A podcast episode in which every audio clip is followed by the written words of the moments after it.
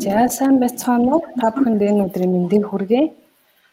Аа за та бүхний мэдж байгаач Lifetel компани зүгээс өнгөрсөн 7 энэ 7 хоногийн хугацаанд Mytel Academy гэдэг одоо онлайн сургалтыг санаачлан эхлүүлээд байгаа. За тэгээд тэрний маань дагуу энэ өдөр бол сургалтын маань дөрөвт өдөр байгаа.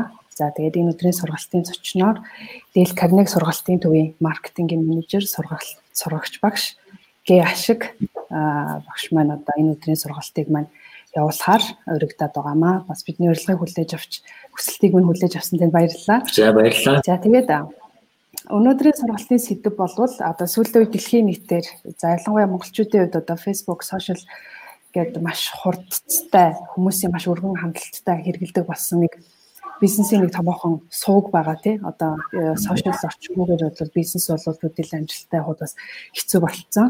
За тийм болохоор одоо энэ сошиал орчинг э, зочлог үйлчлэгээ тэр дундаа зочд буудлын бизнес хэрхэн үр дүнтэй ашиглах вэ гэд маш чухал. Тэгээд бас хүмүүсийн одоо хүлээлт их хүлээлттэй тийм сэдвэр өнөөдрийн сургалтыг маань явуулахаар э, зочин маань бас ингээд төсөлтийг маань хүлээж аваад сургалтаа эхлэхэд бэлэн болсон байна. За тэгээд э, дэлгэцээ багштай шилжүүлье. За. Тэгээ юуны дөрөнд бас энэ яг энэ ковидын үетэй ингээд бас гээд Bastaf I хотелоос нь санаачлаад ийм үйл ажиллагаа зохион байгуулж талархав шүү дээ тий. Яг энэ салбар маань өөрөө бас одоохондоо зогсон байдал орсон байгаа. Тэгээд энэ үеийг бас ашиглаад хүмүүсээ хөгжүүлж явж байгаа юм шүү дээ. Талархав шүү дээ үйл ажиллагаа гэж байна. За. За тэгвэл хэдүүлээ хичээлээ эхлэх үү дээ. За тэгээ. За би presentation хийх За энэ хэд өнөөдрийн сэдв бол яг бидний нөгөө яриад байгаа тэр сошиал орчин бизнесээ яг өдөртөж байгаа манайха зочид буудлын одоо салбарт яаж нэг л үр дүнтэй за дан ганц зочид буудал гэлтгүй энэ аялал жуулчлалын салбар тэр дундаа бас нөгөө ресортууд, кемпууд бас манай Монголцонд байгаа. Тэгэхээр яг энэ салбар дээр бид нар яг энэ зочид буудлын салбарт сошиал медиаг бид нар эдийн авс зарим байгууллагуудаар эдийн ашиглаж байгаа. За тэгээд яг энэ талбар дээр бид нар илүү үр дүнтэй ажиллах талбар дээр яаж сошиал медиаг илүү үр дүнтэй ашиглаж болохоор байна гэдэг чиглэлээр өнөөдрийн хичээл маань чиглэж байгаа. За тэгээд чөлөөтэй манайхан яг лайв үзэж байгаа хүмүүс яг хичээлийн дундуур асуух зүйлсүүдээ бол мэдээж коммент хэлбэрээр асуугаад бичээд үлдээгээрэй. За хичээлийн төгсгөл бид нар яг таны асуусан асуултанд бас дэлгэрэнгүй хариулт асуулт хариулт хэлбэрээр та бүхэн бас мэдээлэх байгаа. За хамгийн түрүүнд бид нар яг ерөнхийдөө нөгөө сошиал медиаг өмнөх нөгөө зол бадрал захирал бол ерөнхийдөө та бүхэн бас мэдээлэл өгсөнтэй ер нь бол энэнийг үр дүндээ хэрэглэх хэрэгтэй гэдгийг бол ярих нь илүүц баг. Тэгэхээр шууд бид нар яг энэ сошиал медиа ялангуяа яг зочид буудлын салбарт яг энэ салбар дээр ажилчлалын салбар дээр яг төлхөө яг аль хэлсгүүдийг илүү төлхөө ашиглах хэрэгтэй байна гэдэг талбар руу шууд яриагаа чиглүүлэе гэж бодлоо. За хамгийн түрүүнд Ер нь э, ажилчлалын салбар дээр бид нар э, хараад үзэхэд хамгийн түрүүнд яг энэ интернет маркетингийн хувьд, сошиал медиа маркетингийн хувьд яг интернет маркетинг гэдэг том зургаар нь харах юм бол яг үндсэн таван төлсийг бол маш эрчимтэй хэрэглэхийг зөвлөж байгаа. Ягаад гэвэл э, өнөөдөр дижитал маркетингийн хувьд яг энэ таван зүйл бол их чухал байгаад байгаа. За нэгдүгээр бол мэдээж танай байгууллагын вебсайт гэдэг бол чухал. За энийг дан ганц вебсайт гэж харахгүйгээр бас олон төрлөөр харж болно бидний нөгөө Airbnb дээр байршсан байна уу эсвэл одоо энийг ч бас вебсайт гэж ойлгож болно. Өөрсдийн гэсэн сайттай байна. Альсвал одоо i hotel дээр яг ийм өөрсдийн одоо танилцуулга бүх мэдээлэл бүрэн дүрэн оруулж чадсан байна гэдэг зүйл. Хамгийн гол нь энэ зүйл маань вебсайтн дээр бүх мэдээлэл нь байрших хэвээр. За дараагийн зүйл нь болохоор яг тухайн вебсайтаар сайтаар орж ирж байгаа зүйлсээ бид нар хүмүүсээ хинжиж чадчих байгаа юу те хэр их хүн манай хуудсыг үзсэн. Хэр их хүн манай вебсайтаар орсон. Яг тэр тавьсан байгаа профайлыг хэр хүн үзсэн байна гэдэг зүйлийг бид нар хэмжижээвэл одоо яг хамгийн зүйтэй гэсэн санаа байх нь байна. А дээрэс нь яг энэ ялангуяа олон улсад контент гаргаж байгаа олон улс руу нөгөө олон улсаас жуулчид их авж байгаа байгууллагын хувьд бол дотооддоо бол харьцангуй гайг бах. Олон улсаас жуулчид жуулчид авж байгаа үед бол яг бидний хайлтын системийн оновчлол хэр их хийж байгаа вэ? яг Монголын талаар Монголын зочид буудлын салбар, Монголын зочид буудал одоо гэж хайхад тийм ээ нэгсэнд ямар ямар төлхүүрөөр хайж тэрэн дээр нь танах танаа байгууллага байршиж чадсан байна уу гэдэг дээр бид нэр энэ гурав дахь хэсэгт бол энэ хайлтын систем гэдэг зүйлийг бас сайжруулах нь зүйтэй маа гэсэн зөвлөгөө өгж байгаа.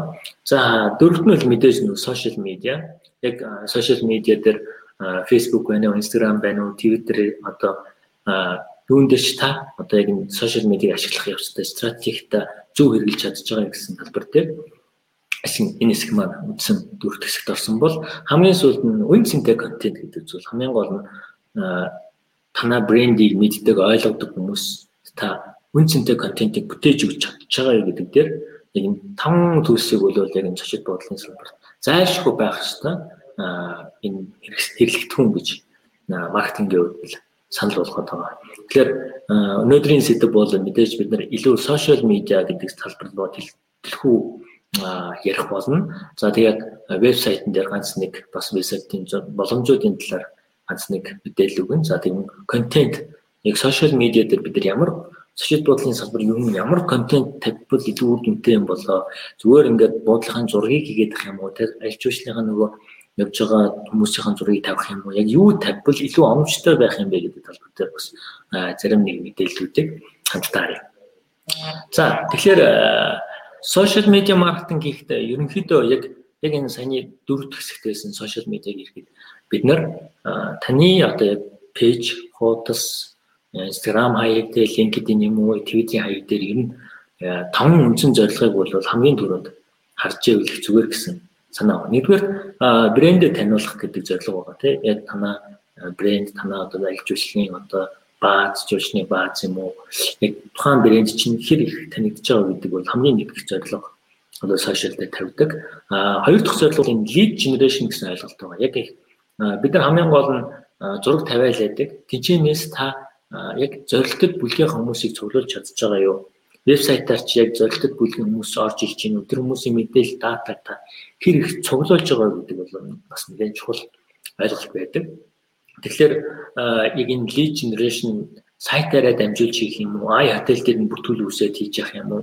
Эсвэл өөр нөгөө бусад нөгөө Airbnb тэ өөр бусад нөгөө янз бүрийн платформуд байгаа. Тэрэн дээрээ та лидээ цуглуулж байгаа. Лидээ юм яаж харж байгаа вэ? Яг ингээд бүртгүүлсэн одоо захиалга өгсөн хүмүүс эргээд дахиад хоёр дахь удаага танаа бодол дээр ирэх. Эргээд хэн нэгэнд санал болгоход тэр нөгөө дата чинь тань хэрэг болно тийм. Эргээд тэр хүмүүстэй дахиад ремаркетинг хийн. Тэгэхээр ийм байдлаар танах юм лид генерашн хийх нь бас сошиал медиа дээр бас нэлээд чухал ойлголт байдаг. За мэдээж нөгөө engagement гэдэг ойлголт сошиал сувуудаар яг нөгөө брендийг таних танилцсан мэдсэн тэр engagement өсөлттэй байна гэдэг зүйл бас нэлээд гурван чухал ойлголт байх нь байна. За дөрөвт нь болохоор бас сошиал медиагийн бас нэг чухал зорилго бол хэрэглэгчээ нэг хүмүүжүүлнэ, хэрэглэгчтэй нэг мэдээлэл дамжуулна, ойлгуулна. Яг танаа одоо бүтээгдэхүүн үйлчлэгээд нөгөө чатбол ирэх нөгөө салбарт ирж байгаа тэр хүмүүс зориулсан одоо гоё мэдлэгжүүлэх контентоор бас хүмүүсийг татах нь бас чухал байдаг. Тэгэхээр яг энэ тавьж байгаа контент маань өөрөө бас хүмүүст мэдээлэл өгдөг юм шин чанартай контентууд байвал бас зүгээрээ гэсэн санаа багна. За хамгийн сүүлд мэдээж нөгөө сошиал медиа контент сошиал медиа ашиглаж байгаа гол зорилго бол вебсайтын хандлтыг өсгөх гэдэг байна. Вебсайтын хандлт өснөрөө танаа нөгөө хөдөлтөн авах тэ захиалга өгөх букинг хийх хүмүүс бол өснө л гэсэн санаа юм байна. Тэгэхээр яг энэ таван зорилгын хүрээнд л та яг том зургаар нь харж агаад сошиал медиа хөдөлж эхлэхдээ яг энэ таван зүйл дээр бид нэр юу юу хийж болохоор байна гэдгийг хамгийн ихэнд бол том зургаар харах нь байна. За тэгээд э, ер нь бид нар сайн нэг газар дах хуудас гэж ярьжсэн тэр вебсайттай байх. Хамгийн гол нь бид нар яг Facebook-ийг хөтлөж байгаа юм уу, Instagram хөтлөж байгаа юм уу, эсвэл Twitter дээр мэдээлэл оруулж байна уу, эсвэл одоо жиргээд байна уу, эсвэл энэ э, LinkedIn дээр мэдээлэл оруулж байна уу гэдэг нь бол одоо янз янз байгаа бах. Яг ямар сувг ашиглаж байгаа YouTube дээр янз бүрийн мэдээлэл оруулж байгаа янз янз байгаа бах. За гол зорилго нь бол тэнд байгаа сошиал сувгуудын хамгийн одоо чухал зорилго бол захиалга авах нь илүү чухал тийм. Тэгэхээр захиалга авахын тулд бид нар бүх төр сошиал дээр байгаа бүх контентын хэсгүүд бол заавал нөгөө вебсайт руу хөтлөх эсвэл одоо i hotel-ийн нөгөө нэг яг тэр пэйж руу хөтлөх тийм одоо зорилгоор контент постуудаа бэлтжээвэл бас илүү үр дүнтэй. Мэдээж зарим бизнесийн хувьд бол мэдээж вебсайтууд бэлэн байгаа. Зарим бизнесүүд бол вебсайтгүй бизнес бизнесүүд бас байгаа. Зөвхөн Facebook пэйж нэгэд орчихсон тийм. Тэгэхээр яг энэ дээр газар дахууц гэж бас нэг чухал ойлголт байдаг. ландинг пэйж гэсэн бас ойлголт байж. Заавал нөгөө вебсайт хийхгүй зүгээр нэг л хуудас танилцуулга ай хотел шиг тиймэрхүү бичил бас сайтуудыг та өөрөө хийж болно. Тэгэхээр хамгийн гол зорилго нь бол энэ call to action гэдэг ойлголт байна. Тэрийг бас дараа дараагийн слайдууд дээр нэлээд дэлгэрэнгүй тайлбарлая. Тэгэхээр яг энэ reaction үсэндээ линк яг линк руу дарж орох энэ өсөлтийг та хадгалах нь бол сошиал медиагийн гол зорилго байгаа. Тэгэхээр та аль болох вебсайтаа хэр их хүн оруулж ирнэ төдий чинь одоо нөгөө танаа бүтээгдэхүүн танаа нөгөө худалдан авах магадaltaй захиалга өгөх бүхэн хийх магадлал илүү өндөр өснө л гэсэн санаа юм байна. За тэгээд түрүүнээс ландинг пэйж гэдэг одоо юу гэд гэсэн ойлголтуудыг бас энэ Adibcast цэг MN гэсэн хэсэг рүү энэ сайт руу ороод бас авчиж болно. Ер нь бол ихэнх бизнесүүд нөгөө ландинг пэйж хүү байдаг. Юу вебсайт хүү байдаг. Тэгэхээр үүний шийдэхин тулд бас бичил вебсайт өөртөө бас интернетээс сонирхоод үзэх юм бол нэг жижигхэн танилцуулга бүхий вебсайтуудыг хийж болно. Мэдээж бас хотелч гэсэн чиглэлээр бас танаа танилцуулгуудыг хийж өгч байгаа. Аа тэгээд ер нь сошиал медиагаа бид нар хамтдаа хамгийн дөрөнд бол төлөвлөх хэсгүүдээр төлөвлөх хэсгүүдээр анхаарахтаа юу юу анхаарах вэ гэхээр эхлээд та ямар нэгэн компанид ажил зохион байгуулах байгаа. За одоо бол шинэ жил байна тийм үү. Аа хэрвээ одоо карантин байгааг байсан бол ковид 19 яг энэ хугацаанд байгааг байсан бол одоо эд бид нар манай төсөл бодлын салбар бас бочинжих байх байлаа. Тэгэхээр яг өнөөдөр одоо ковидгүй байсан гэж тооцох юм бол бид нар яг ямар хүмүүст үйлчлэгээ хүргэх компанид ажиллаа явуулах гэдэг шүү дээ. Нэг том сошиалаар нэлээд том сурчлагын компанид ажил өрнүүлэх гэж байна. Хамгийн түрүүнд өөрөөсөө асуух асуултууд нэг ямар хүмүүсийг би татах юм бэ? Яг сошиал медиагаар дамжуулаад бид нар ямар хэрэглэгчдийг илүү төлхөө олох юм бэ гэдэг хүмүүсээ тодорхой болгоно. Яг компани байгууллагуудыг олох гэдэг юм сулхан хүмүүс юу? А эсвэл одоо нөгөө 8 сартай 9 сарын үед хөрмүүд их болдог тийм. Үгүй яг хосуудад зориулсан юм уу? компанид ажиллаж хэн рүү чиглүүлэх вэ гэдэг хамгийн түрүүнд сонгох бол хамгийн ихний алхам байдаг сошиал медиа контентоо төлөвлөлтөө.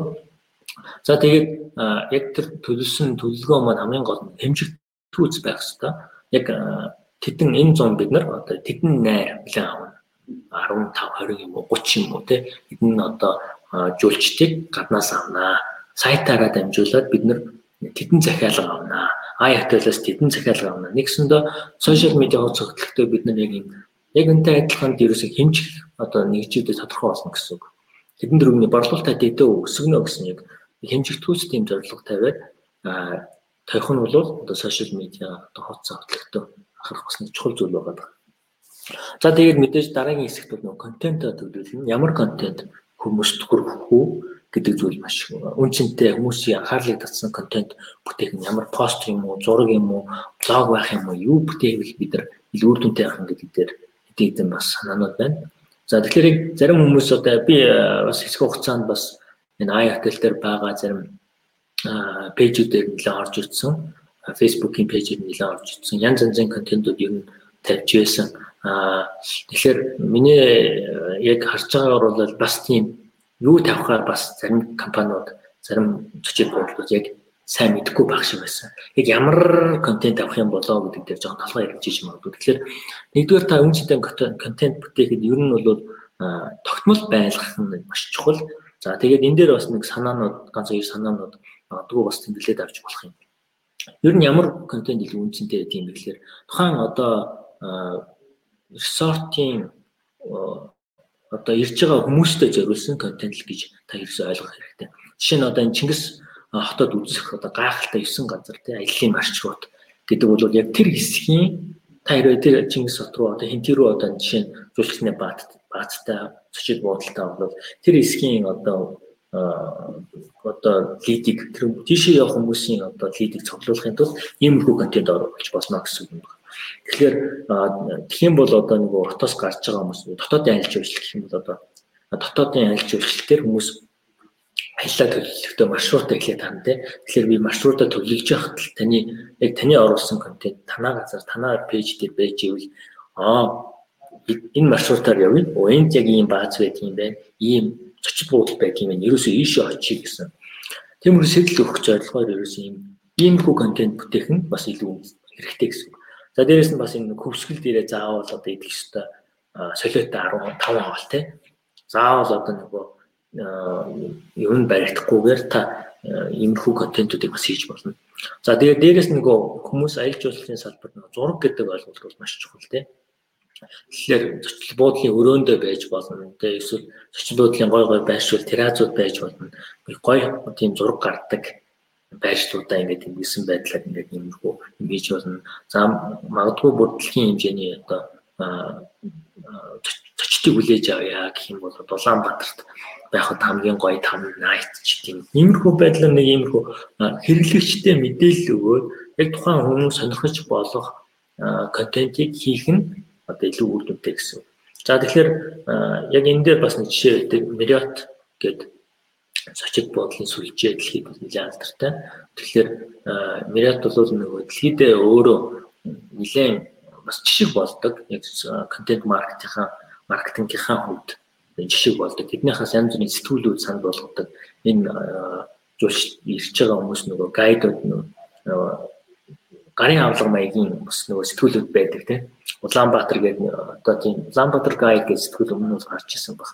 Тэрнтэй адилхан Мариот бас ийм сэтгүүлүүд татаж авах материалууд ингэж байнга сайтн дээрээ тавьж идэг, сошиал дээрээ тавьж идэг. Хүмүүс тэрийг ингээд татаж аваад яг тухайн хот руу, тухайн чиглэл рүү аялах гэж байгаа хүмүүс тэр мэдээлэл нэлийн үнцэнтэй учраас тэр бүтээгдэхүүн тэр танилцуулга тэр сэтгүүлийг татаж авахын тулд заавал нөгөө мэдээлэл үлдээн тийм мэдээлэл үлдээгээд мэйл хаягаа үлдээдэг, нэрээ үлдээдэг, уцаа үлдээдэг. Тийм учраас тэр ингээд лид болоод одоо сонирх танаа бүтээн зочид буудал буух магадлалтай хүмүүсийн листийг ингээд үүсгэх зорилгоор иймэрхүү контентуудыг бас бүтээдэг гэсэн үг.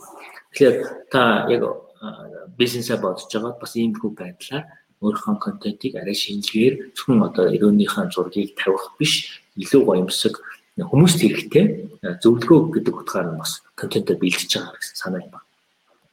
За тэгээд хамгийн гол нь тэн дээр нөгөө контентоо бэлдэхдээ нөгөө биднэрт сошиал дээр ганц дутагддаг юм бас монголчууд call to action гэдэг ойлголтыг бас гэдэг юм шиг санагдсан. Аа ягаад нөгөө гэж энэ гэж юм гэхээр ихэнх одоо гадны сурчлагаа промошн компанид ажлуудыг харахаар нөгөө заавал нөгөө юм дараад үйлдэл нь тодорхой байдаг. Зүгээр нэг зураг оруулаад орхих биш. Үйлдэл нь тодорхой тий сайт руу хөтлөх юм уу? Эсвэл юм татаж авах юм уу? Эсвэл энэ талаар илүү их бэлэнгүү судлах юм уу? Шууд букинг хийх юм уу гэх мэтчлэн. Тухайн одоо зураг контент оруулахдаа давхар энэ call to action гэдэг зүйлийг ер нь газар дах хууч руу хөтлөх юм уу? Вебсайт руу хөтлөх юм гэдэг юм заавал зурган дээр юм уу? Постн дээр эсвэл нөгөө юу яд нь штэ Facebook-ийн мэдээллүүдийг оруулаад илүү дэлгэрэнгүй гişээ дарж үзнэ үү гэдэг юм уу. Иймэрхүү байдлаар та нөгөө дараа дараагийн үйлдэлүүдийг заавал ингэж хэрэглэгчтэй ойлгомжтой хөтлөх байдлаар постууд оруулах их зүгээр гэсэн санаа. Тэгээд дийлэнхтэй ер нь бол нөгөө интернетээр судалгаа хийд үзэхээр үнэгүй гэдэг зүйл маш байдаг. Үнэгүй гэдэг товчон дээр маш их дарж үздэг тийм Тэгэхээр яг энэ үнгүй гэдэг зүйл нэг цаанаа нэг үнгүй гэдэг юм ч хүмүүс нөгөө үнгийн өмнө дуртай учраас тэр нөгөө үйлдэл хийхдээ өрхөнд ордог гэсэн санаа юм аа. Тэгэхээр та контент бэлтгэхдээ бас нөгөө зэрэгцээ тухайн бүтээгдэхүүн нөгөө бүтээгдэхүүнээ бэлдэж явах явцдаа компанид ажилтнаар хамт ингэж бас үнгүй гэдэг зүйлийг ашиглаж байна. Жишээ нь одоо зочид буудлын одоо спан үнгүй ч гэдэг юм те. Тэгээд дараа л оронгот хөө хин зочид спан үнгүй болчих юм. Ороод үзэнгүүд зөвхөн одоо энэ багцыг авсан хүмүүс, энэ өрөөнд орсон хүмүүс гэдэг ч юм уу те. Энэ хүмүүс л одоо энэ үнгүй одоо үнгүй энэ хэсгийг ашиглах нэ. Эсвэл одоо караоке ч юм уу эсвэл өөр ямар үйлчлэг байдгийг зарим нэг үйлчлэг нь үнгүй те.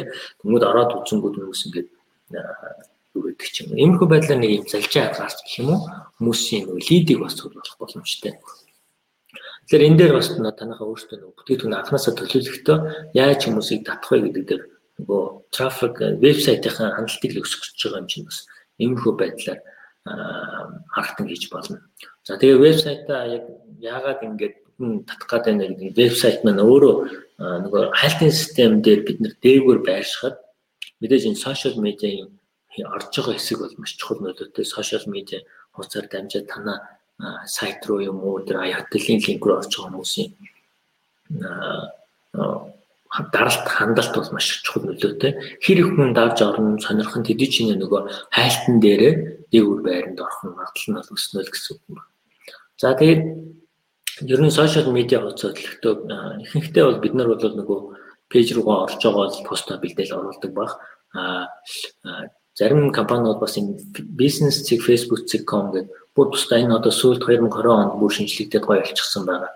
Яг энэ бизнес цэг Facebook цэг.com руу ороод бас үзээрэй. Яг энэ дээр байгаа яг энэ байдлаар нь контент хөтлөхтэй энэ дээр постнж байж идэг, энэ бокс ингээ харагдж идэг те бүх нөгөө датанууд яг танаа хуудас чинь нөгөө хэр их амжилттай явж ийн амжилтгүй явж ийн хүмүүсийн нөгөө реакшнууд ямар байна гэдэг engagement өндөр байна уу бага байна уу гэдэг зүйлийг нэлээд дэлгэрэнгүй харуулж өгдөг учраас бизнес цэг Facebook цэг.com-оор ороод нэг контент оруулаад төлөвлөд явах юм бол бас илүү үр дүнтэй байж болно. Дээрээс нь бид нар нөгөө Instagram, Facebook хоёр чинь нэг компани шүү дээ.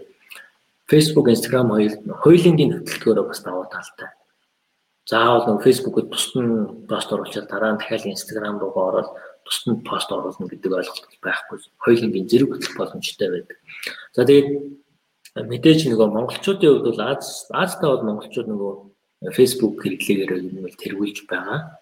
Энэ хамгийн одоо хүн амынхын баг талаас илүү өмнө бол магадгүй Facebook хэрэглэж байгаа гэсэн тооцоонууд нэлээд гарч байгаа. Тэгэхээр яг ямар зорилттой хүмүүст сурчлагаагаа хүргэх вэ гэдэг үүднээс та энэчнээс нэг сурчлагаагаа хүртэл энэ чинь энэ бизнес дээр энэ аккаунт дээр бас хөтлөөд харж болно. Тэгээд сурчлагаа явуулахдаа бид нар бол ихэвчлэн буст пост хийдэг. Тэгээд буст постоор бити сурчлагаа явуулаарай. Аль болох энэ айц гэдэг хэсгээр нь сурчлагаа явуулбал илүү үнэтэй байдаг. Яг ямар хүмүүс гэдгээс сонгож агаад тоочны явуулж болдог. Яг Монгол байгаа, эсвэл яг тэр дүүрэгт байгаа, эсвэл яг тэр нутагт байгаа гэдэг аа яг тоочны явуулах боломжтой газар зүүн байршлын хувьд танаа зочид бод аль хэсэгт байна гэдэг гэдгээс хамаарат тухайн бүс нутагтаа хүртэл одоо сурчлагаа явуулна гэсэн зорилготой илүү оновчтой байдлаар мөнгөө чимнэх зорилготой нэг юм деталь бас мэдээллүүдийг оруулж сурчлагаа явуулаад илүү үр дүнтэй байдаг. За тэгээ сурчлагаан дээр энэ бас нэг pixel гэдэг ойлголт байгаа. Ер нь энэ бол нөгөө ремаркетинг хийх дахин одоо одоо сурчлагаа явуулахдаа энэ pixel гэдгийг ашиглаж явуулах зүгээр. Жишээ нь бид нэр Facebook-өө ингээд ухаан явж байхад нэг сайт руу ороод үсрээд орчдөг тийм юуник юм сонирхоод нэг сайт руу орчлоо гэхлээр тухайн сайтынх нь мэдээлэл нь Facebook-оос гараад одоо тэгээ өөр юм өгчээтэл ингээл тухайн сайтын сурчлагаа нь тань ингээд дагаа яваад байдаг. Facebook руу ороод нэг чат руу оронгууд нөгөө нэг чатн дээр нөгөө нэг таны орж исэн вебсайтны нөгөө сурчлагаа нь ингээд дагаал яваад байдаг. Тэгэхээр энэ маань өөрөө пикселээр холбож өгдөг. Нэгсэндээ таны яг ландинг пэйж рүү ч юм уу вебсайт руу орсон хүмүүсийн датаг пикселийн Facebook пикселийн тусламжтайгаар тэр датаг бий болгох чинь гэсэн. За эргээд тэр нөгөө танаа сайт руу нэг удаа ороод үзсэн чинь дахиж одоо тэр бүтээгдэхүүний худалдан авах магадлал өндөртэй өмнө гэж ойлгоо штэ. Тэгэхээр пиксел маань яг ажиллаад эдийн датын одоо сайт руу орсон хүмүүс зориулсан сурчлага дараа дараагийн сурчлагыг санал болгодог. Манай өөрөө тэдөө болж хямдарлаа тий. Манай баазын тэр үйлчлэг тэдөө болж хямдарлаа ч гэдэг юм уу. Дараа дараагийн хүмүүс аа нэр энэ чинь нэг юм зүйлтэй байсан. За дахиад тэгээ бүтээгдэхүүн худалдан авах магадлалыг өсгөнө л гэсэн үг. Тэгэхээр илүү нөгөө бид нэр илүү оновчтой байх юм энийг бас ашиглаж болно. За тэгээд ер нь Facebook дээр бол энэ манайхан бол бас зарим компаниуд бол нэлээд амжилттай хөтлөж байгаа гэж хардаг. Зарим тохиолдолд бид нар нөгөө Instagram дээр яаж фейс юу ба хөтлөх вэ? Instagram хуудсыг ер нь яаж хөтлөх зүгээр юм блэ? Юм болоо гэсэн ойлголтод бас хүмүүс сонирхолтой байж магадгүй гэднээс би зарим нэг мэдээллүүдийг хийж оруулсан. За тэгэхээр Instagram бол өөрөө Facebook-ийг бодвол илүү нөгөө зураг, видео, стори гэсэн нэг тиймэрхүү юм аяг төвтэй дээрээс нь залуучууд гэсэн ягаад ч юм залуу хэм маяг гэдэг зүйл бас орж ирж идэг. Дээрээс нь Instagram-ыг бодоод үзэхэд ер нь Instagram-ийн постуудыг та ингээд үздэг бол ер нь аж аргалтай зүйлс их олон байдаг. Ер нь happy, аж аргалтай, мөчтэй, ер нь гоё сайхан зүйл их олон байдаг. Facebook-ийг бодвол а Facebook-ийг ухаан явж байгаа дунд янз янзын мэдээлэл хар PR те янз янзын зүйл байдаг бол Instagram арай тийм эерэг гэх юм уу. Тэгэхээр тэр талаараач ер нь бол яг аялал жуулчлалын бизнест бол их тохиромжтой заавал байх ёстой эртлэх ёстой энэ пэйжтэй сувг юм шиг надад санагддаг. Тэгэхээр та бүхэн яг үнэхээр зарим хүмүүс нь бол аль хэдийн Instagram хуудасаа нээж гисэн бизнестэй ашиглаж явж байгаа. Эргэлж амжаагүй бол ер нь одоо та ирээдүйд төлөвлөжлөө бол яг энэ хуудас руу орох энэ дээр одоо бас өөрсдийнхээ мэдээллүүдийг оруулах энэ хуудас дээр энэ суугаар бид нэр илүү хүмүүс татах гэдэг юмыг бас давхар бодож яахгүй болохгүй. За ер нь бол маш олон Instagram нөгөө зочид буудлууд байгаа. Яг амжилттай хөтэлдэг. Тэднээс мэдээж та жишээ авч болно, санаа авч болно. Тэгэхээр би бол яг анхлан одоо юу дөнгөж эхэлж байгаа Instagram хуудсан дээр ингэж амжилттай байших гэж байгаа гэдэг утгаар нь ер нь 8 зөвлөнд бэлдсэн байгаа. Тэгэхээр яг энэ 8-ыг бол та бодож байгаад хэрэгжүүлчих юм бол Instagram дээр бас амжилттай явах магадaltaй гэсэн. Хамгийн түрүүнд бол нэгдэж аккаунтаа нэгтээ бид нар зүгээр хүний аккаунт дээр ч юм уу персонал аккаунт байж болохгүй. Маш яг бизнес аккаунт байх хэрэгтэй. Энэ хоёр бол тусдаа хоёр өөр ойлголт байдаг. Хувийн аккаунт бол нэг янз бүрийн бусад боломжууд нь хаалттай тий сурчлагаа явуулах ч гэдэг юм. А бизнес аккаунтууд мэдээж янз бүрийн сурчлагаа даахын илүү нөгөө боломжууд нь өндөр байдаг. Яг бизнес дээрээс ингээд утгаараа. Тэгээ хамгийн дөрөв Instagram ус нэг гэж байгаа. Нэгдүгээр бизнес аккаунт нэг хэрэгтэй байх нь. А хоёр мэдээж нөгөө бид нар яг нөлөөллийн маркетинг гэдэг зүйл сүүлийн жилүүдэд маш ихээр яригдчихэж байгаа. А өмнөх бас багш нар ч гэсэн илтгэлүүд дээр бас ирсэн байх. Ер нь нөгөө бид нар тухайн нэг олон дагагчтай тий олон одоо хүний одоо инфлюенсер нөлөөл олон хүнд нөлөөлж чадах тийм одоо сошиал одуудыг бас ашиглаж болно бизнестэй. Зочид буудалтай ордог ч юм уу тий зураг авалт хийдэг ч юм уу? Эсвэл одоо ямар байдлаар тэр хүмүүсийг ашиглаж болохоор байна. Ялангуяа тэр хүмүүсээ сонгохдоо яг ямар хүн ямар одыг сонгох вэ гэдэг нь бас бас нэлээд харах хэрэгтэй тийм яг ямар насныхын тэр хүнийг дагдгийг тэр хүн өөрөө инфлюенсер нь өөрөө юу юу ямар контент үйлдвэрлэдэг вэ Тэгвэл яг тэр контент үйлдвэрлэдэг тэр контентын төрөл нь манай яг бизнес аялжуулалтын салбартаа тохирох юм уу гэдэг ч юм уу тийм. Яг тийм тохирох салбарынхаа хүнийг олоод тэр нөлөөллийн маркетинг хийх нь бас илүү үр дүнтэй гэсэн. Тэгэхгүй хаа хамаагүй хүн олоод чирээд их юм бол одоо танаа бүтээгдэхүүн худалдан авах магадлал багтаа хүмүүсийг цуглуулчихсан тий 20 30 мянган дагагчтай хүн байж болно. Гэтэл яг тэр дунд нь танаа бүтээгдэхүүнийг сонирхдаг тий дагагчтар нь тийм сонирхох хүмүүс биш бол амжилтгүй болно гэсэн үг. Тэгэхээр яг ямар хүн сонгох вэ гэдгээ бас нэлээд тоочны бас бодох хэрэгтэй болно. За тэгээд Instagram дээр бас нэг юм Instagram able гэдэг нэг юм ойлголт байдаг. Аа энэ бол яг шинэ ойлголт. Яаж нэхлээр Instagram бол ерөөсөө тэр чигээр нөгөө зургийн ертөнц гэж та ойлгож болно. Тэгэхээр зургийн ертөнцийн та өөрийнхөө жуулчны баазад аль эсвэл одоо ресторан байж болно те нэг гоё ресторанда байж болно нэг буцаж буудлын өрөөнүүдийг байж болно. Тийм нэг тийм зураг дарах орчин бүрдүүлнэ л гэсэн үг юм байна. Гоё нөгөө вивтэй, гоё харагдцтай. Яг энэ өнцгөөс ингэж зураг дарах юм бол үнэхээр гоё харагддаг гэсэн тийм одоо орчныг Instagram-д бий болгоно гэсэн үг юм байна. Ингэж чадах юм бол бас нөгөө сурталчилгаа явуулах хэрэгтэй дээрс нөгөө ирж байгаа хүмүүстэй ч гэсэн яг мэдээд заагаад өгчих юм бол оо эндээс аюу гоё зураг дардаг. Хамгийн гол нөгөө аялал жуулчлалын салбар чинь гоё зураг үлдээх те стори үлдээх гэдэг зүйл гоё тийм вив харагдцыг үлдээх уцандаа буулгаж авах гэдэг бол мэдээж чухал. Тэгэхээр тийм орчныг та өөрөө анханасаа ирж байгаа хүмүүстэй бүрдүүлж өгөх гэсэн үг. Тэгэхээр энэ талаар бас нэг жишээ болгоо би дараагийн слайд дээр зураг бэлдсэн байгаа бас үзүүлж болно. За тэгээд ер нь Instagram хуудасаа яг яаж хөтлөх вэ гэдэг юм зүйлийг мэдэхгүй бол бусдаасаа ер нь суралцуулах зүгээр. Ямар постууд оруулах зүгий. Яг Facebook шиг зурнууд бол нөгөө сурталчилгааны маягийн зурнуудыг оруулах юм бол нэлээд амжилтгүй байх магадaltaй. Яг Marriott ч юм уу өөр бусад дэлхийн алдартай Instagram дээр хуудас амжилттай хөтлөж байгаа компаниудыг хараад үзээд тэднээс бас жишээ авч болно. Аль болох текст ч юм уу нэг тийм сурчлагын нэг тараад материал дээр байдаг мэдээллүүдийг тавиад та Instagram дээр баг тийм мэдээлэл тавих юм бол ер нь амжилт авах магадлал бага. Тэгэхээр ямар контент авах вэ гэдэг дээр бас нэлээд ямар зураг тавих вэ гэдгээр бас нэлээд чухал. За тэгээд энэ дээр нэг хаштаг гэсэн ойлголт. Instagram бол шууд нөгөө call to action хийхээс илүү нөгөө хаштаг гэдэг ойлголт нь илүү үндсэнтэй байдаг. Нөгөө илүү нөгөө хаштагаараа та олон хүний хандлт авах. Instagram дээр олон хүний хандлт авах магадлал өсдөг гэсэн. Тэгэхээр хаштагаараа нэлийн олон мэдээлэлүүд оруулахаас гадна анхнаас нөгөө профайл үүсгдэг бид нар тийм тийм сайт тийм тийм хүн ийм үйлчлэгээ гэдэг нөгөө аккаунтаа нээж явах үед нэг мэдээлэлүүд оруулж штэ тий.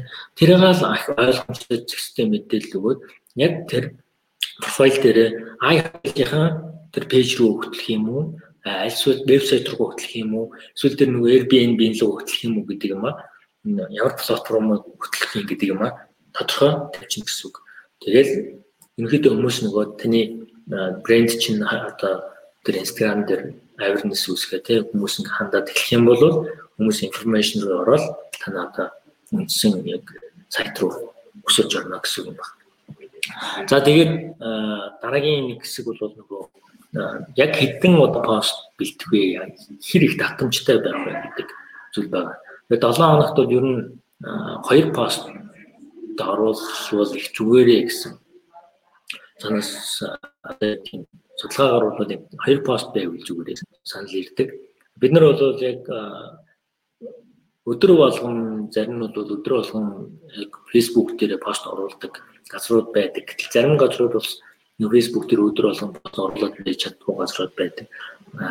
Зочд буудлууд те бас зөндөө байгаа. Тэгэхээр энэ дээр нөгөө тусгаалan яг нөгөө контент төлөвлөлөхдөө одоо календарч төлөвлөгөө гаргаж зүгээр гэдэг улирлаар нь ч юм уу сараар нь ч юм уу бид нар сошиал медиа календар гэж яг тийм ойлголт байгаа бас интернетээс хаагаад үзвэл та яг ийм цагт ийм постыг оруулна гэдэг хамгийн гол нь зөв цагт оруулах нь чухал.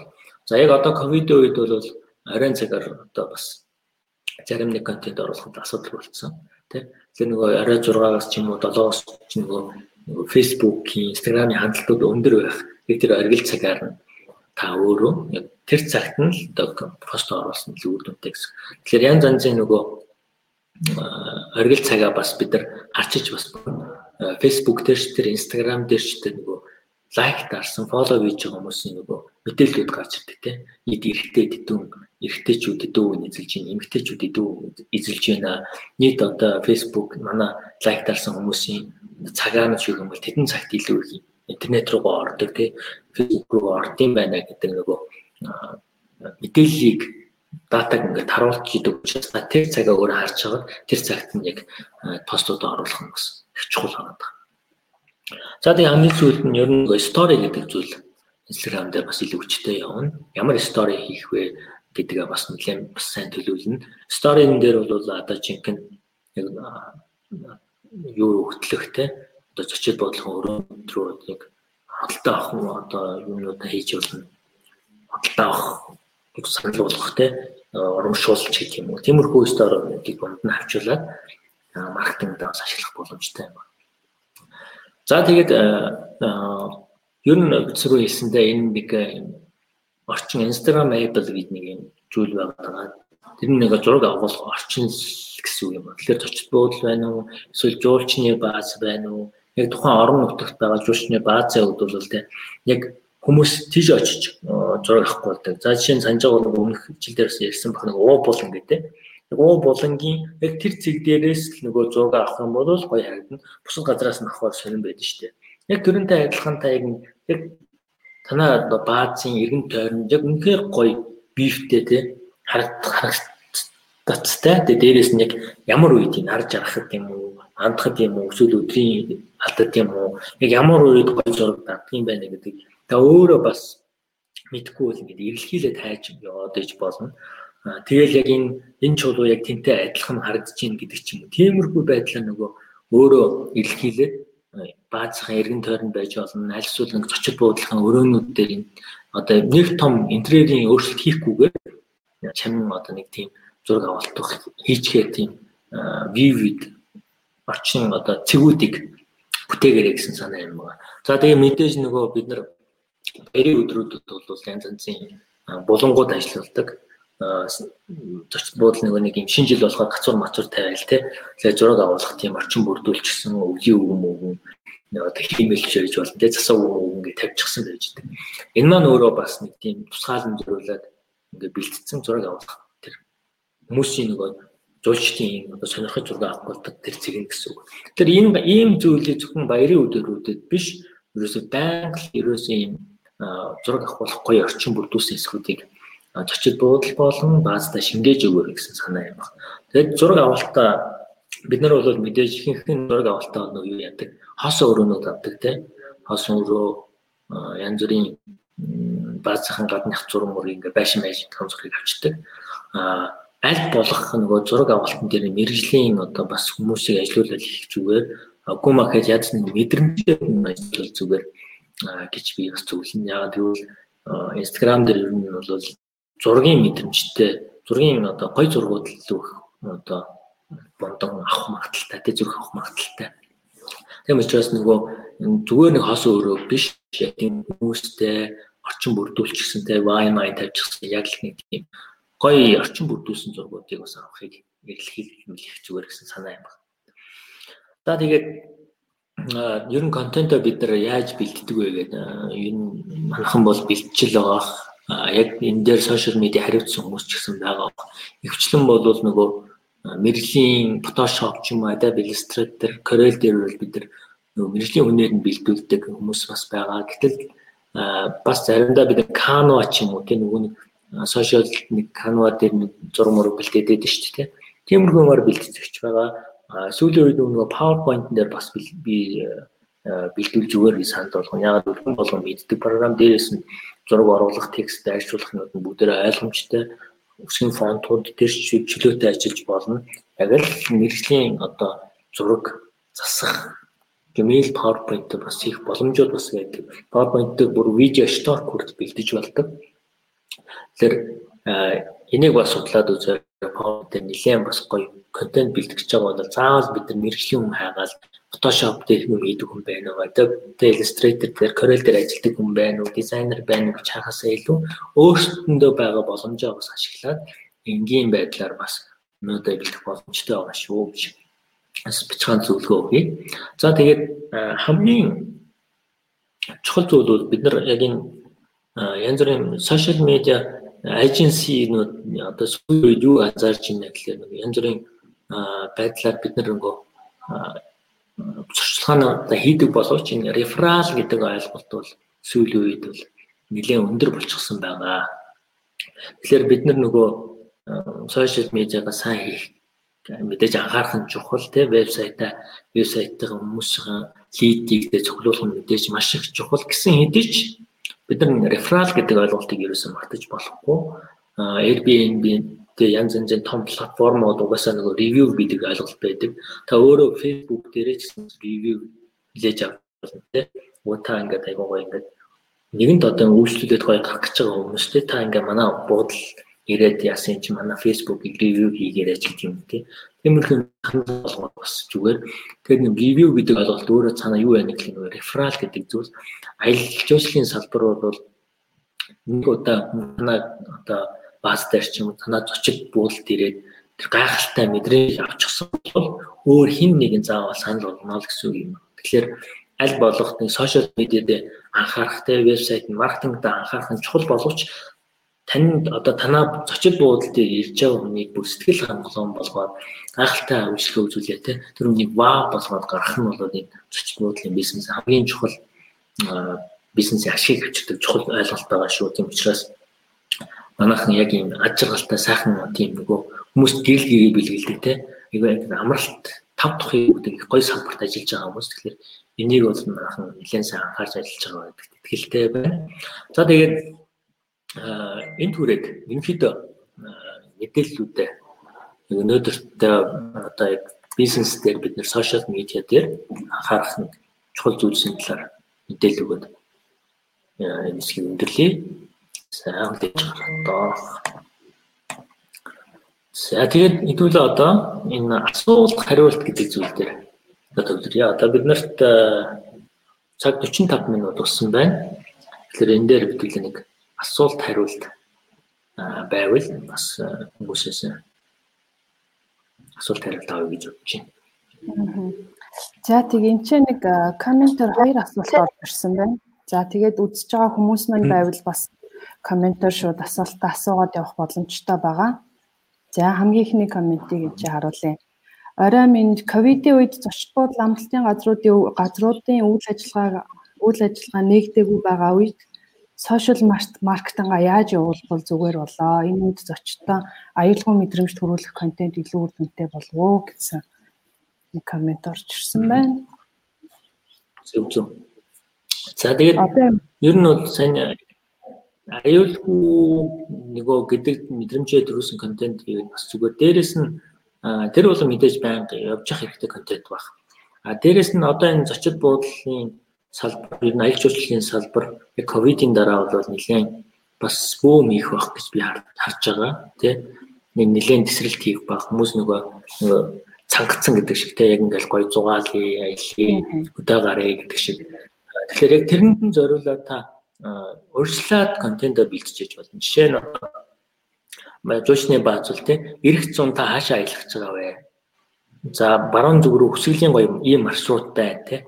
Энэ энд очиод ийм гоё газар үзээд энэ дээр одоо гоё зураг мага ийм зураг зураг авахгүйх ийм гоё газар байж гэх юм те.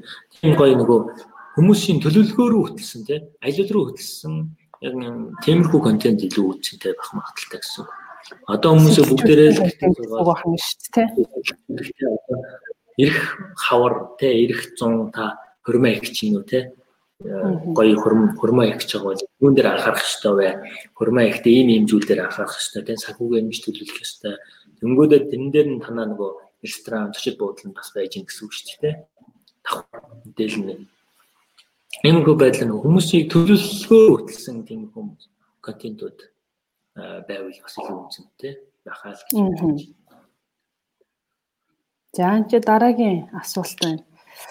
Instagram гадаадад айгүй том хувийг эзлээд эхэлсэн. Сүүлд shop хэсэг шин зэс болж орж ирсэн байсан. Хизээ Монголд Instagram одоо зах зээлийн дийлэн хувийг эзэлж Facebook зах зээлээс багцуулах шахагдах бол одоогор бол залуучууд голдуу ашиглаж түүн дээр үндэслэн буст явж байгаа. Энэ тренд хизээ солигдох болоо гэн яг ерөнхийдөө нөгөө нэг Facebook одоо Instagramд ингээд дарагдчихвол гэсэн бас хүмүүсийн тийм юу байх шиг байна л да.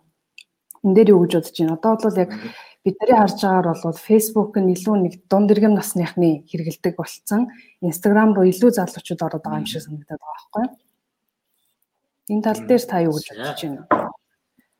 Instagram бол ер нь банк шинжилэлт хийгээд энэ програм одоо энэ сошиал медиа дээр ер нь байнга шинжилтүүд хийгээ хийгдэл яваад байгаа. За тэгээд ер нь ирээдүйд 5 жилийн дараа 10 жилийн дараа магадгүй Instagram ч байхгүй болж магадгүй тийм. Яг монголчууд хамгийн гол нь ямар сошиал сувг хэрэгжилж байна. Эсвэл одоо яг танаа хэрэглэгчид ямар сайн нөгөө өмнөх дугаарууд дээр нөгөө TikTok гэдээ ярьжсэн шүү дээ. TikTok орж ирж байгаа. Яг монголчууд бол хэдэн хувийг эзэлж ийн мэдэхгүй. Тэгэхээр яг ямар салбарт та ямар хүмүүсийг татахыг хүсэж байна гэдгийг бодож байгаад сошиал сувга бас сайн зөв сонгохгүй болохгүй гэсэн. Жишээ нь одоо хятад бол TikTok бол нэлээд их хэрэгжилж байгаа. Тэгвэл тэрээ та хятад хаттуудад зориулж үйлчлэг үзүүлэх гэж байгаа. Зөөлчдийг их авъя гэж байгаа бол одоо магадгүй TikTok дээр заавал байшаад хятад хэл дээр бас контентууд оруулах нь бас илүү үгтэй. Тэгэхээр нөгөө танаа хэрэглэгч хаана байна та өөрөө л тэнд байршин. Тэр сувг дээрээ тэр сошиал сувг дээр байх нь зөвс нь хэрэг. Харин яг энэ хүний асууж байгаа зүйл бол нөгөө арай Facebook нь хизээ дарагдах юм бэ л гэж штэ тэгээ Facebook руу шийдээд Instagram руу хизээж Тэгэхээр Facebook дээр яг энэ дээр бол би яг хэлж мэдэхгүй. Facebook-ийн зорилго бол арай өөр, Instagram-ийн нөгөө контентууд те арай өөр хэлбэрийн байдаг. Twitter төртлөө өөр, social сувг төртлөө арай өөр хэлбэрийн юмнууд явж байгаа шүү дээ. Тэгэхээр нөгөө хэрвээ энэ хоёр контент ижлэхэн болоод эхлэвэл одоо нөгөө Facebook сувг, Instagram хоёр нөгөө үйлчлэгээ нь явуулж байгаа хэлбэр маяг хэв маяг нь ижлэхэн болгох юм бол илүү нөгөө хүмүүс Instagram руу орох магадaltaй байж магадгүй. Харин одоо тус тустай арай өөр зорилготой байх юм бол тус тустай л ингээ хөгжөөд явах баг. Тэгээд бас нэг туйлширч болохгүй нэг зүйл байгаа. Тэрний юу гэхээр бид нар Facebook-ийг хөгжүүлэлт хэрэгэлдэгээ гэж хайчих юм бол бас их буруу гэсэн үг. Яагаад гэвэл та өөрөө контент оруулахдаа л промошн хийхдээ л тэр чинь Facebook-ээс ингээд залуучуудыг хэрэгжилж байгаа нөгөө хэсэг бүлэг хүмүүс дээ 20-с 30 насных гэдэг. Яг тэрэндээ зориулаад 20-с 30 насныхандаа зориулаад 20-ийнхаа тэр нөгөө сурталчилгааг явуулж болно гэсэн үг шүү дээ тийм. Тэгэхээр яг энэ энэ зөв энэ буруу эсвэл энэ нэг хүн байгаа учраас энийг хэрэглэхгүйгээр яг нөгөө програмынхаа боломж дээр тулгуурлаа та Facebook дээр промошн амжилттай төлөв. Facebook дээрээ төлөвлөж болно, Instagram дээрээ л төлөвлөж болно гэсэн санаа байна. Болох олон суугаар аль болох олон хүнд хүрхэл одоо контентийг хийх нь зөв гэж байна шүү дээ, тийм ээ. За энэ дараагийн асуулт орж ирсэн байна. Сошиал медиа дээр өөрийн пэйж пэйж вайрал болгох, баг зардлаар олон хамтлал лайк авах техник аргачлал гэж байдгүй. Байдаг бол хэлж өгөөч ээ гэсэн байна. Сошиал сувууд дээр нөрөөсө вайрал болох ганцхан арга нь тэгэл үн цэнтэй контент байгаа юусэн. Яг үнэхээр одоо хүмүүсийг татсан дээр контент л одоо таны одоо бизнес одоо арай арай бага зардлаар одоо хүмүүсийг батах магадaltaй гэсэн. Тэгэхээр контентэнд бол хамгийн анхааранда одоо тэр Мариот гэж зочид буудал байдаг шүү дээ. Бид рүү бас хэлсэн баг. Мариот бүр ингээд бүр богино хэмжээний кино хүртэл гаргацсан. Франц өмсөлт өмсөлт гээл богино хэмжээний кино гаргацсан. Тэр нь ингээд YouTube-ээр вайрал болгоод явж идэг жишээ нь. Тэгэхээр энэ дээр бол энэ оролцогчийн үзэж байгаа юм дэлгэхэд бол яг та ямар контент, ямар үн цэнтэй контент бүтээж чадах вэ? Тэр чинь л одоо сайн байх юм бол вайрал болох магадлал өндөр л гэсэн үг. Тэгээд сайн нөгөө энэ зончин бас нэг маршрут нэлээд их вайрал болсон шүү дээ тий. Өсгөл рүү баруун зүг рүү аялах нэг маршрутууд вайрал болжсэн. Тэгэхээр тэрийг та өөрчлөөд хараад ингээд мэдсэн бол магадгүй пэйж дээрээ шинэ контент тиймэрхүү контент бэлээд тавьсан бол өнгөрсөн зам бол вайрал болох боломжтой байсан байна. Яг үүнтэй адилхан дараа жил та бодож байгаа бас тиймэрхүү байдлаар вайрал юу вайрал болох вэ гэж төлөвлөж байгаа Ингээд яг тэгээд вайрал болно гэж найдаал тавьчихдаг бас вайрал болохгүй үед бол зөндөө байна. Тэгэхээр энийг бол одоо сайн контент. Хүмүүс яг хүсэж байгаа зүйл яг ковидын дараа хүмүүс юу хүсэх бол те хэвээ энийг үзэл хүмүүс шеэр хийх байх гэсэн. Тийм контентыг та өөрчлөлт бодоод тавих нь бас вайрал болох магадлал өндөр л гэсэн юм байна. За тэгээд энэ нөгөө нэг за миний зүгээс асууж байгаа асуулт. Бид нар ингээд одоо зочдлуудтай уулзаад өөрсдийнхөө бүтээгдэхүүлчлэгийг ингээд танилцуулаад явхад ихэнх нөгөө хүмүүс маань дандаа нөгөө нэг дунд иргэм насны одоо яг нөгөө нэг техник одоо технологиос жоохон хол. Тэгээд ойлгохтой удаан хүлээж авахтай удаан бас хүлээж авах. Сонирхолгүй бас нэг тийм юу байдаг.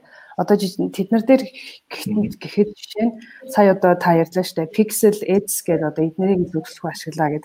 А энийг хэрвээ ашиглаж чадахгүй одоо яг тэр нэг дунд иргэм насны нэг одоо яг нэг буудал ажилуулдаг за нэг миний аав ич хоёр үеийн насны хүн ч юм уу гэд. Нэг team хоёр хүнд та ингээд нэг пэйж нэг ингээд хөтлөөрөө гэд нэг тийм бахаан зөвлөгөө өгвөл та яг ямар зөвлөгөө өгөх вэ? За тэгээд бид рүүнч бас нөгөө юм тестсэн. Тэгээд манайхан нэг бас нэг техник дээр бас зарим хүмүүс бол тарах юм те. Тэгэхээр яг ийм янз бүрийн контент одоо бэлдэж байгаа нөгөө зүйл дээр л би нэг сүүлд бас нэг хальт дурлаад хэлсэн те. Техник мэдэхгүй юм чи яах юм бэ гэдэг. Тэрэн дээр би нөгөө Canva биш нөгөө PowerPoint дээр ингээд хөөрхөн бид нар PowerPoint дээр слайд бэлддэг шүү дээ. Чөлөөтэй слайд бэлддэг темплет татаж аваад бэлддэг тий. Заавал нөгөө өнгө дизайны үе тийм супер байх шаардлагагүй. PowerPoint дээр ингээл гоё зөвлөгөөнүүд ингээд бичээд тэрийг зургаар хадгалаад тэгээд Instagram дээр тавьдаг ч юм уу. Тийм нөгөө техникийн хувьд бол тийм зөвлөгөө байна. А харин яг нөгөө одоо дизайны хувьд гэх юм уу хэрэг би бол одоо илүү бизнес амжилттай байлгал гэж бодож байгаа нэг чаддаг юмыг чаддаг хүмүүст нь даатгах их зүгээрээ гэж зөвлөнө. Яг бол бид нар өөрсдөө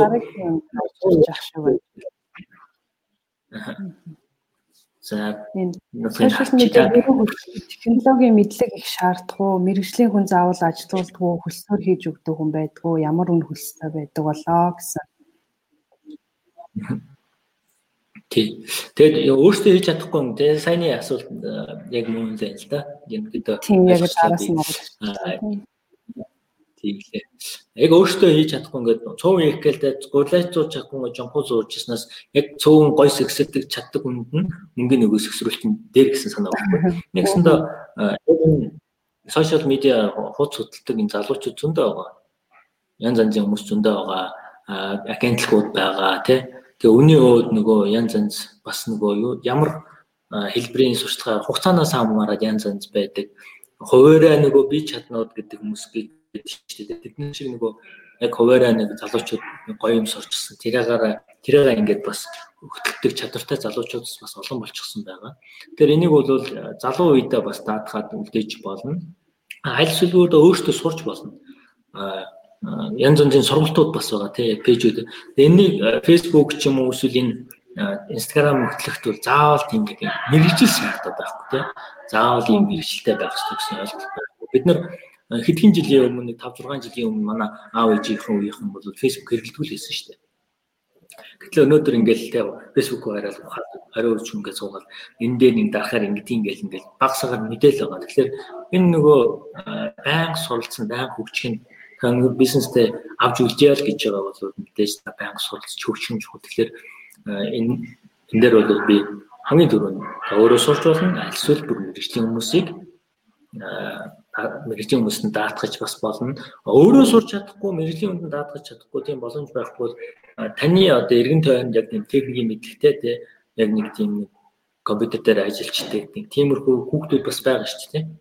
Тэр хүмүүстэй бас нийлээд гар нийлээд бас болно. Тэгээд агентлагууд бол мэдээж сая хэлсэн зүйгөө үний хувьд ч гэсэн янз янз байгаа. Би санаж байгаа бол нэг 400 500 мянга орчим байдаг шиг санаад байна нэг пэйж хөтөл нэг сарын турш ингээд хөтлөөд явхад те 400 500 дундаж юм нэг тэр тэр хавцаа байгаа байх. Тэгээд ер нь Facebook тэр Instagram дээр ч тэр ингээд байнга програм өөрчлөгдөж байна, байнга юм өөрчлөгдөд одоо дараагийн дахиад нэг өөр програм гараад ирнэ, дахиад өөр платформ гараад ирнэ. Тэр үед бэлтгэлтэй байх юм бол байнга сулцсан гэдэг нь илүү үдэнтэй байх гэж би бодож байна да. Тэгээ өнөөдөр ч гэсэн яг энэ iTel-аас ингээд гаргаж байгаа энэ зүйл маань бас л хүмүүсийг сэтэлжүүлэх сургах нэг юм процесс. Энийгээ манайхан бас алдахгүй ичигээд ингээд байнга өргөжлүүлэн суралцах байх гэж бас итгэлтэй байна. Аа. За тэгээд э, сайн нөгөө таны хариултыг сонсч байсан чи би нэг саяхан нэг э, хүний яриа сонсож байгаад нэг э, сонссон. Одоо үнэхээр нөгөө нэг сурыг гэжээвэл ядаж ингээд нэг YouTube ороод яаж гээд нэг хайгаад үзчих тэмүүлэлтэй бай. Тэхгүй байж ээж тэхгүй болвол ингээд яаж чигчээгээд мянган хүнээс асуугаад сурахгүй гэжээс яг тэр үг санаанд орчлоо. За тэгээд энэ коммент яаж ингэж илгэсэндээ харуулдаг юм бэ гинэ. За энэ хажуу талдаа тохиргоонд байдаг шүү. За ерөнхийдөө асуултууд маань юу вэ? За ингээд дуслаа. Хоёулангийн цагчус ерөнхийдөө өндөрлөлт тийшээ хандж байна. За тэгээд би бас нэг сургалтынхаа төгсгөл бас хүмүүс нэг IoT-ийн зүгээс бас нэг Facebook-ээр дамжуулаад нэг бидний одоо санал болгоод нэг бүтээгдэхүүнчлэгээ байгаа тэрийг товчхон товчхон танилцуулъя гэж бодлоо. Одоо нөгөө Facebook бол маш их аюутай хандлттай байгаа шүү дээ. Ялангуяа монголчуудын хувьд те одоо нэг ийш тийшээ явахар ч юм уу амралтын газар зочд буудал хайхаар бол манайхан болвол Google-с илүү хамгийн түрүүнд баг Facebook-ээр хайлт хийдэг. Тэгэхээр зэрэг хэрвээ та одоо танад буудал одоо амралтын газар Facebook пэйж үнэхээр сайн хөтлөж явуулдаг болвол одоо манай Hotel компани зүгээс Facebook пэйжээрээ дамжуулаад шууд захиалга одоо хүлээж авах одоо book now гэдэг үйлчилгээг бол Facebook дээр бас танай пэйж дээр холбож өгдөг ийм үйлчилгээ бас байгаа. Тэгэхээр тэрийг бас та хэд маань энэ одоо ийм сул зогсолттой байгаа энэ үеийг ашиглаад бас туршаад үзээрэй. Тэгээд магадгүй одоо ингээд ковид бол хизээ нэг загт дуусах нь бол тодорхой бид нар насан туршдаа ковидтай амьдрахгүй бах тийм болохоор зэрэг одоо ингээд нэг л өдөр байхгүй болоод хэрэглэгчд ингээд нөгөө нэг яагаад эхлэх үед одоо нөгөө буцлаад оволцоод эхлэх үед танах болвол ингээд бүх зүйлд бэлтгэлтэй байх хэрэгтэй шүү. Тэрийг тэр бүх зүйл одоо тэр бүх бэлтгэлийг болвол хийх хамгийн зөв тохиромжтой үе бол яг одоогийн энэ цаг тахлын төр зохисолтын юм байгаа. Энэ цаг үеийг бас бид нэр зогсолт гэж харахгүйгээр өөрсдөө л болох зөвөр ашиглаад энэ боломжийг бол бүрэн дүүрээ ашиглацгаая гэж бас хэлье хүмүүстээ. За тэгээд ерөнхийдөө ингээд цаг маань болчлаа. Юугаад сургалтад дуусах уу? За тэгээд за тэгээд хүмүүстээ бас яг энэ цаг үед ингээд суралцаад яг нэг дараагийн одоо үе ирэх үед те дараагийн одоо энэ ковид дуусаад одоо сайхан цаг ирэх үед одоо бизнес план зэтгэлээд бид нар илүү амжилттай байх болтугай гэдэг өнөөдрийн лайвыг дуусгая да. За баярлалаа үзэгчтэй. Маргаашийн сургалтыг бас юу чи нэг сануулчих. Маргаашийн сургалт маань бас 17 цагаас болно. Аа тэгээд маргаашийн үед бол яг нөгөө нэг зочд буудал ажилуулдаг Намадо гэдэг одоо сүүлийн үед бас шинээр байгуулагдсан зочд буудлыг маань үүсгэн байгуулагч Батбаяр гээд залуу маань оролцсон. Тэгээд маргаашийн сургалтанд бас та бүхэн маань 17 цагаас үзээрэй лайваараа тийм. За баяртай. Баяртай.